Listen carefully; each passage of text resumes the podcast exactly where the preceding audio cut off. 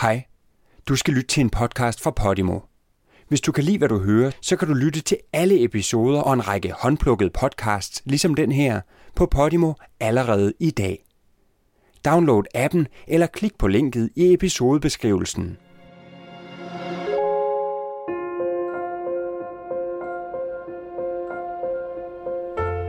I centrum af København rejser St. Pauls kirkens høje tårn sig op over Nyboders lave huse.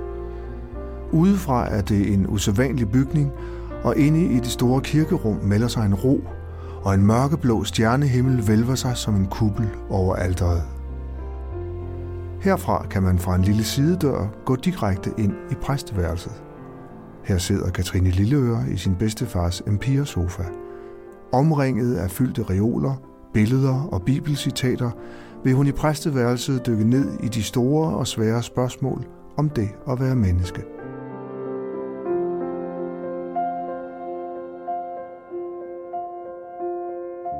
Hvordan skal jeg leve op til alle forventningerne?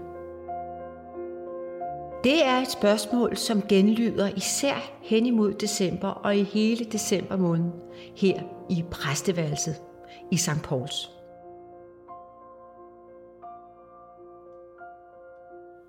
Velkommen her i præsteværelset. Jeg hedder Katrine Lillør, og jeg er præst i St. Pauls, og dette er det værelse, hvor jeg møder folk i en til en, hvor vi har sjæle samtaler. Der er dejligt lys udenfor. Det er ugen op mod advent, og øh, her i præsteværelset er der endnu ikke nogen tegn på jul, men det kommer der om lidt.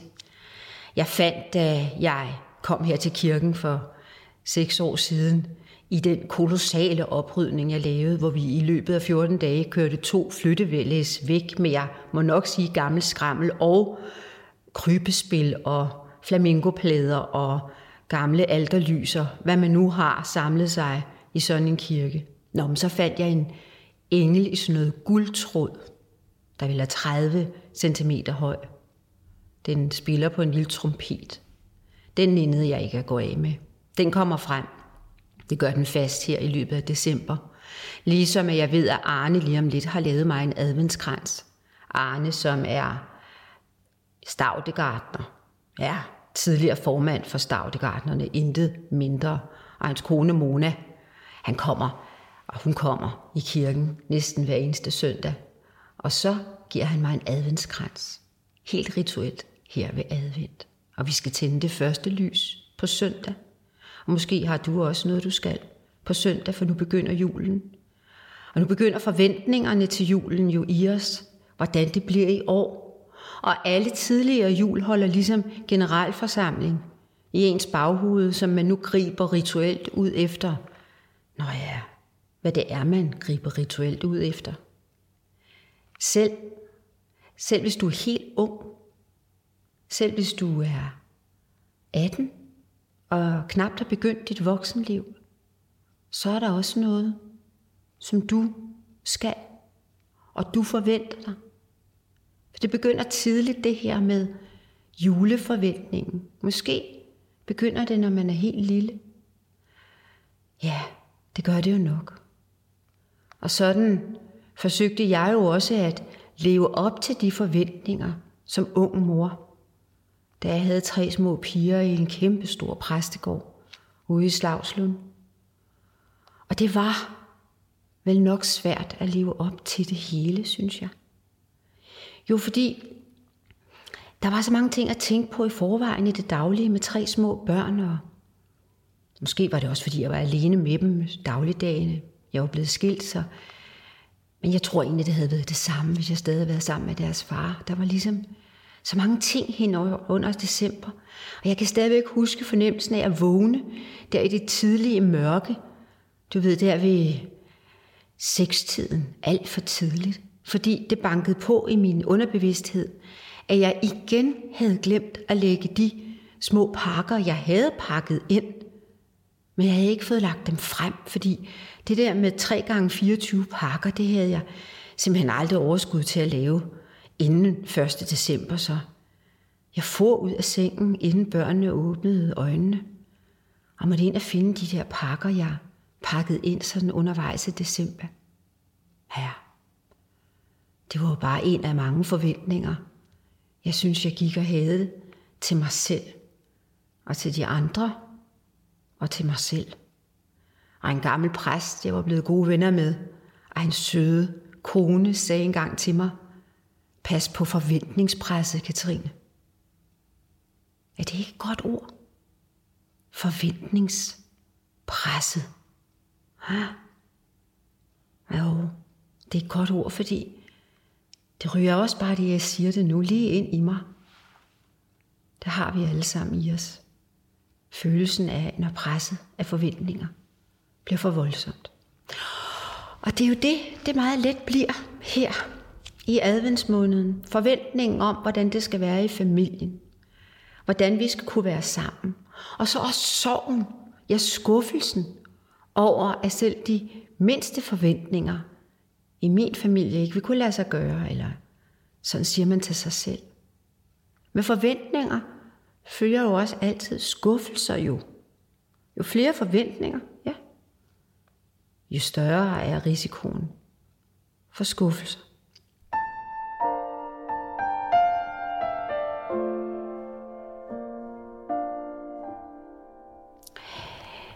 Stiller man op, når forventningspresset er blevet for stort?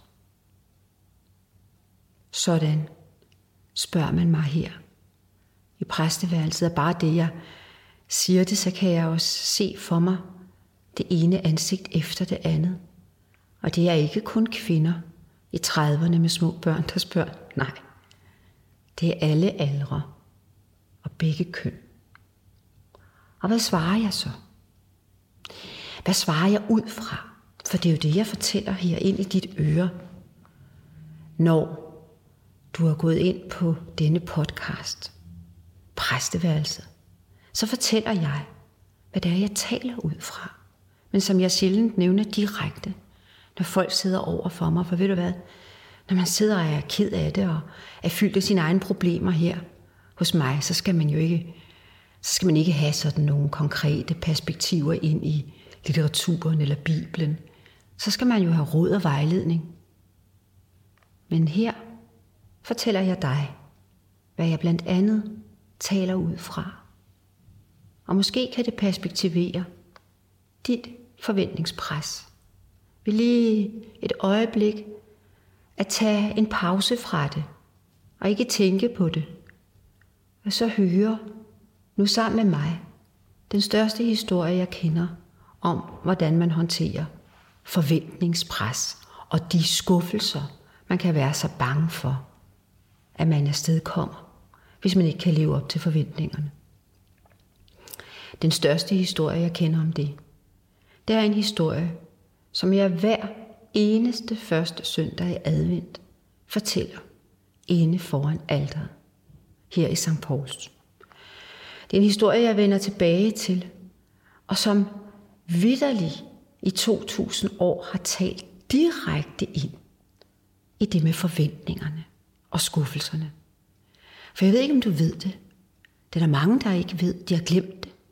Men advent betyder forventning.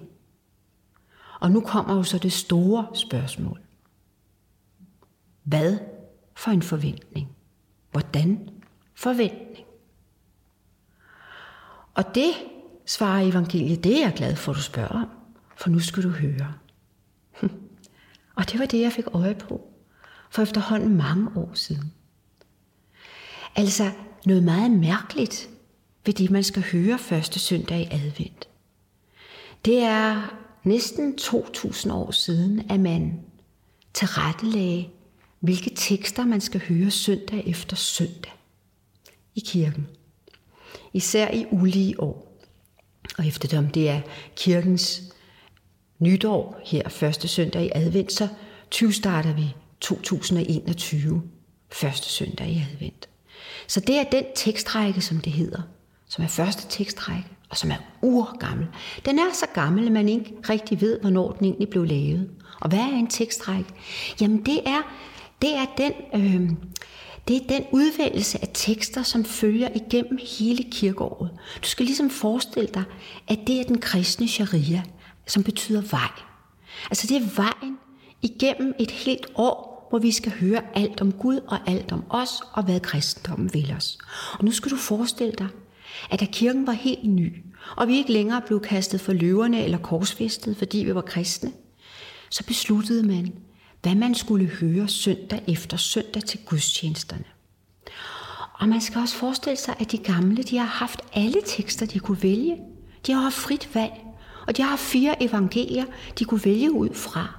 Og det er jo kolossalt mange fortællinger. Og for en del år siden, der blev jeg netop her første søndag i advent opmærksom på, at de har jo virkelig valgt med omhu. Og de har valgt, kan man sige, med den indsigt, og også måske den genialitet, der kommer af, at for ganske nyligt, så blev man korsfæstet for at tro på det her budskab. Og jeg tror, at når det er livsfarligt at tro på noget, så skærpes ens sans for, hvad der virkelig er vigtigt i den tro. Og sådan er første tekstrække fuldstændig genial i dens udvælgelse, har jeg fundet ud af. Og det er på en anden måde en anden historie, men, men det, der er vigtigt at høre nu her, med forventning, det er, at de gamle jo har skulle vælge en stor tekst til den første søndag i kirkeåret. Den første begyndelse altså. Begyndelsen på vejen ind i det nye år. Hvilken tekst? Hvad er det så valgt, vi skal høre? Og nu kommer det. De har valgt noget mærkeligt. De har valgt, at vi skal vælge eller høre Palme Søndags fortælling. Og nu siger du, Palme Søndag, er det ikke noget med påske? Jo, svarer jeg. Det er påske. Det er forår. Det har det været til alle tider. Hvordan kan det være, at jeg har valgt, at vi skal høre Palme Søndags fortællingen? Nå, men det er ikke det eneste underlige. Og det var det, jeg opdagede for nogle år siden for alvor. Ikke alene sad jeg undret mig over, at vi skulle høre Palme søndagsfortælling. Men så opdagede jeg noget, der virkelig satte mig på sporet af, at der er et perspektiv her, som, ja, som de har ville formidle til os på tværs af 2000 år. Og det er, at der er jo fire evangelister. Markus, Matthæus, Lukas og Johannes. Og så kan man sige, at alle fire, de har jo palmesøndagsbeskrivelsen, og jeg kommer til præcis, hvad palmesøndag fortæller. Men de har altså beretningen om palmesøndag. Alle fire. Så kunne man jo sige, når man her første søndag i advent skal høre Matteus evangeliets palmesøndag beretning, så når vi så kommer til påske til foråret, så har de vel valgt en af de tre andre, ikke? Så må de have taget Johannes, eller Lukas, eller Markus. Men nej, nej. Vi skal også til påske høre Matteus evangeliets palmesøndagberetning. Altså, vi skal simpelthen høre den samme fortælling to gange. T-O, to gange. Det må være fordi, at de vil fortælle os noget. Netop her, ved begyndelsen af et kirkeår. Ja, ved begyndelsen af advent, adventsmåneden, altså af forventningssøndagene, der er fire af i alt, før vi rammer julesøndag, eller juleaften og helligdagene omkring jul. Ja, hvad er det, de vil fortælle os der?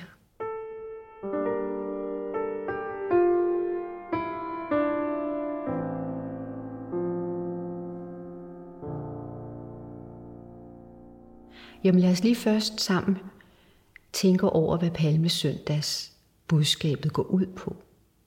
Det er begyndelsen på påsken.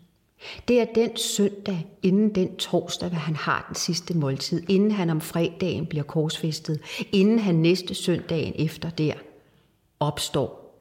Der begynder påsken med palme søndag. Og hvad sker der der? Åh, jamen der sker jo næsten ingenting. Der sker det, at han rider ind i Jerusalem Jesus på et æsel. Og det gør han, fordi at der i det gamle testamente er blevet forudsagt, at den store frelser, den nye kong David, vil komme ridende ind i Jerusalem, og man vil kunne se, det er ham, der kommer, når han kommer ridende på et æsel. Det er det, profeten Isaias har skrevet, det er det, der er forudsagt, og nu skal du forestille dig, at alle i Jerusalem på Jesu tid, alle har vidst, at det er sådan, man ville kunne genkende den nye store frelser og konge, som ville komme, og det kunne man godt have brug for, fordi romerne havde besat landet, og de måtte godt blive helt i Middelhavet i en vis forrygende fart, for de var nogle slemme herrer at være underlagt. Så det jødiske folk glædede sig af god grund til, hvis der dog bare nu kunne komme en ny messias, en frelser, en ny kong David, som kunne give de romere så mange bank. Og se nu, nu satte Jesus sig op på et æsel, velvidende, at han dermed red lige ind i hvad? Ja, i deres største forventning. I det, de kunne håbe allermest på.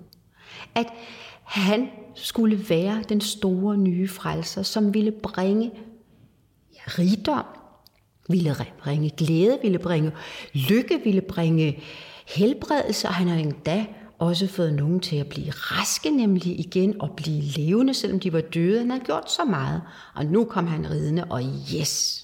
Og de svang palmegrene og råbte halleluja og hosianna og juhu og jublede. Og så gik der fire dage, og så stod han langfredag og var blevet taget til fange. Og han stod der ved siden af stadholderen, Pontius Pilatus. Og Pontius Pilatus sagde, hvad skal jeg gøre med denne her mand? Og så råbte de alle sammen, korsfest ham. Herre. Det kræver jo ikke den store, altså den store eksamen i psykologi, for at kunne regne ud, at de råbte korsfest ham fordi deres forventninger havde været så tårn, så sky, så himmelhøje, og nu stod han der og var lige det modsatte af alt, hvad de havde håbet på. Og skuffelsen satte sig som sådan en masse vrede, sådan en fælles vrede i dem. Kors fest ham. Se, den historie skal man høre selvfølgelig til påske, hvor det sådan er en historisk fortælling. Det skete sådan og sådan og sådan og sådan. Men de gamle valgte, de gamle med den der urindsigt i, hvad kristendommen er, de valgte, at vi også som indledning til vejen gennem kirkeåret skulle høre. Som indledning til forventningsmåneden skulle høre historien om den gang Kristus gik lige ind i deres største forventninger. Og hvad gjorde han så? Hvad gjorde han? Opfyldte han deres forventninger? Nej, han skuffede dem. Noget så eftertrykkeligt. Ja. Tænk, jeg bliver, hver gang jeg ser ned i den fortælling, så bliver jeg næsten helt rystet af, hvor, hvor markant han går imod alt det, man sådan selv bærer i sig helt naturligt. Det er det med, at man går og glæder sig og forventer sig til det og det og det. Og så vil man jo også så gerne opfylde de andres forventninger, dem man elsker. Og man vil så gerne tænde lyset i deres øjne. Ja, fordi og på en måde er det jo sådan, at man tænker, at hvis de gør det, hvis jeg får det, jeg forventer, hvis de vil gøre mig glade, så er det jo fordi, de elsker mig. Jeg har da svært ved ikke at tænke sådan. At, at jeg får af dem, jeg elsker, det jeg håbede. Og det får jeg, fordi de elsker mig, og de ved, det vil glæde mig sådan. Ja. ja. Men Kristus, men Gud selv, han gør altså lige det modsatte. Han skuffer samtidig med, at han påstår, at han elsker os. Ja. Prøv lige at lade det dale ned i dig. Det er jo, det, altså enten må man jo sige, det kan jeg bare ikke have mere at gøre, det er for mærkeligt. Eller også er det måske, og det tror jeg, nej, jeg ved det, det er vejen ud af dit og mit forventningspres. at lade os korrigere i vores forestilling først og fremmest om, at det at kunne opfylde de andres forventninger, det er det samme som at kunne opfylde deres håb om, at vi elsker dem. Så sandt som, og det ved du og jeg jo, at selvom vi skuffer, så har det ikke noget at gøre med, at vi ikke elsker det, vi skuffer.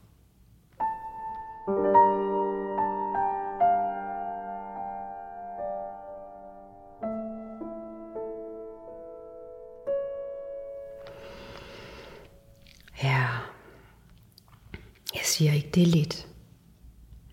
Jeg siger ikke, det er let, men jeg siger, det er nødvendigt. Når jeg ser tilbage på de små pigers øjne i præstegården, når de vågnede, og de gaver, de fandt. Når jeg ser tilbage på de år, hvor jeg gjorde alt, hvad jeg kunne for at leve op til, hvad julen ligesom skulle være for dem, så ved jeg jo godt, at intet stod og faldt med de gaver altså. Og det opdagede jeg øvrigt også efter nogle år. Og så fandt jeg på en anden kalenderløsning. Ja.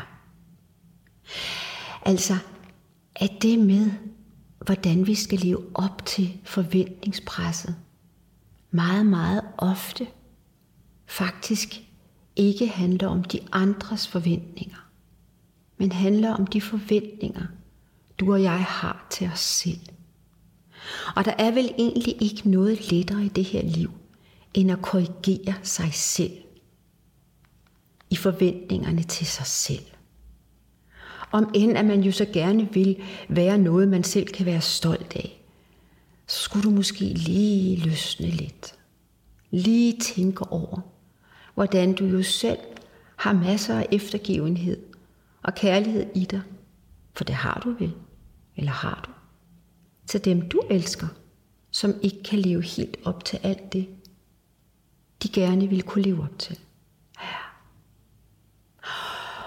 Og så her på vej ind i december, så kan det jo godt være, at du må se ind i modigt, at der er nogen, der har forventninger til dig, som du holder meget af, men som du simpelthen ikke kan leve op til. Hvorfor? Jamen fordi det, er, det ikke er rart. Fordi at du bliver for ked af det. Fordi, øh, fordi du ikke kan nå det. Fordi du synes, at øh, det samvær, I har, handler mere om alt muligt andet end det egentlige, nemlig at det skal være rart. Fordi at der er alle mulige traditioner, som ikke rigtig længere giver mening. Som ingen helt kan huske, hvorfor man opretholder. Fordi at du ikke vil have, at december måned skal blive en afviklingsmåned. På den måde, at det hele skal afvikles, i stedet for at man når at leve det. Du kan nok ikke undgå, at der er nogen, der bliver sure så. Men øh, så husk på Kristus. Husk på, at han insisterede på, at ikke at leve op præcis til deres forventninger. Og at han turde skuffe dem. Og så siger du nu til mig, Nå jo, men så bliver jeg jo også korsfæstet, er ikke det, der er pointen? Jo, de bliver ikke glade. De kan godt risikere at blive rigtig sure. Men det må du holde ud. Det må du turde tåle. Og det kan du godt. Fordi det skal vi kunne, hvis vi skal have gjort op med det pres, som kan lægge sig så tungt og ulykkeligt i dig og mig. Fordi ikke bare ens egne skuffelser, men de andre skuffelser, hvis vi tager dem på os som noget, vi skal kunne bære, bliver så utrolig svært at leve med. Så bliver december jo en mørk måned, som man bare skal overleve dag til dag i og komme igennem hurtigst muligt. Nej, sådan skal det ikke være. Hverken i december eller resten af året. Men hvad skal vi så gøre? Spørger du måske så. Hvad skal jeg så gøre? Hvad skal jeg... Altså, det at forvente sig, det er jo egentlig en dejlig ting. Skal man så slet ikke forvente sig noget? Åh jo, svarer adventskransen. Åh jo, svarer juleenglen. Det kan du tro, du skal. Du skal forvente dig det glade, det lykkelige og det gode. Ja, ja, men ikke i bestemt form. I ubestemt form. Du skal ikke sige til dig selv, det og det og det skal jeg kunne, for så bliver jeg glad, og de andre glade. Det og det og det skal de kunne, for så bliver jeg glad. Og så bliver vi alle glade. Åh oh, nej, der lurer skuffelsen til enhver tid i de der meget bestemte ønsker. I stedet skal du glæde dig i ubestemt form. Du skal forvente dig glæde. Glæde, som du ikke ved, hvordan vil være og hvorfor kommer, men fordi, ja, den vil vise sig i samværet, i dagene, i december, lyset og når mørket sænker sig, og julelyset stråler. Ja, der vil glæden være der på andre måder, end du måske regne med. Og det er den, du skal forvente. Den glæde, som kommer uventet, som kommer måske også uplanlagt i virkeligheden. Og se, hvis du bestemt har den forventning i dig, så bliver skuffelserne ligesom ikke så hårde, så mildnes de, så bliver de lettere at bære. Og se, der løsner forventningspresset sit hårde greb i dig.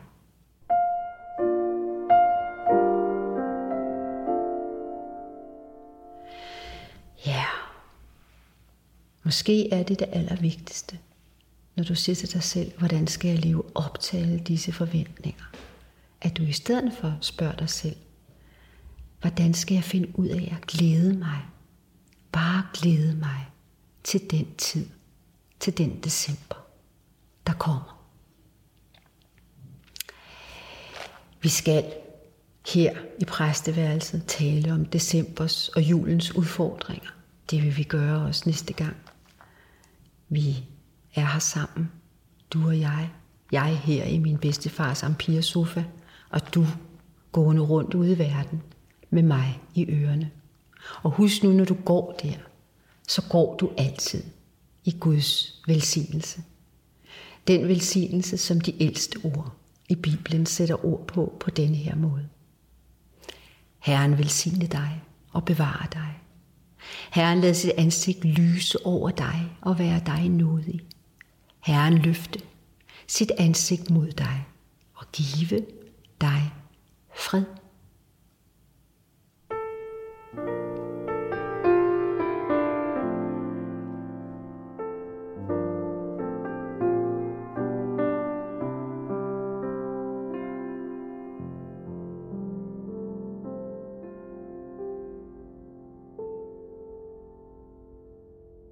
Hej, du har lyttet til en podcast fra Podimo. Hvis du kan lide, hvad du hørte, så kan du lytte til alle episoder og en række håndplukkede podcasts, ligesom den her, på Podimo allerede i dag. Download appen eller klik på linket i episodebeskrivelsen.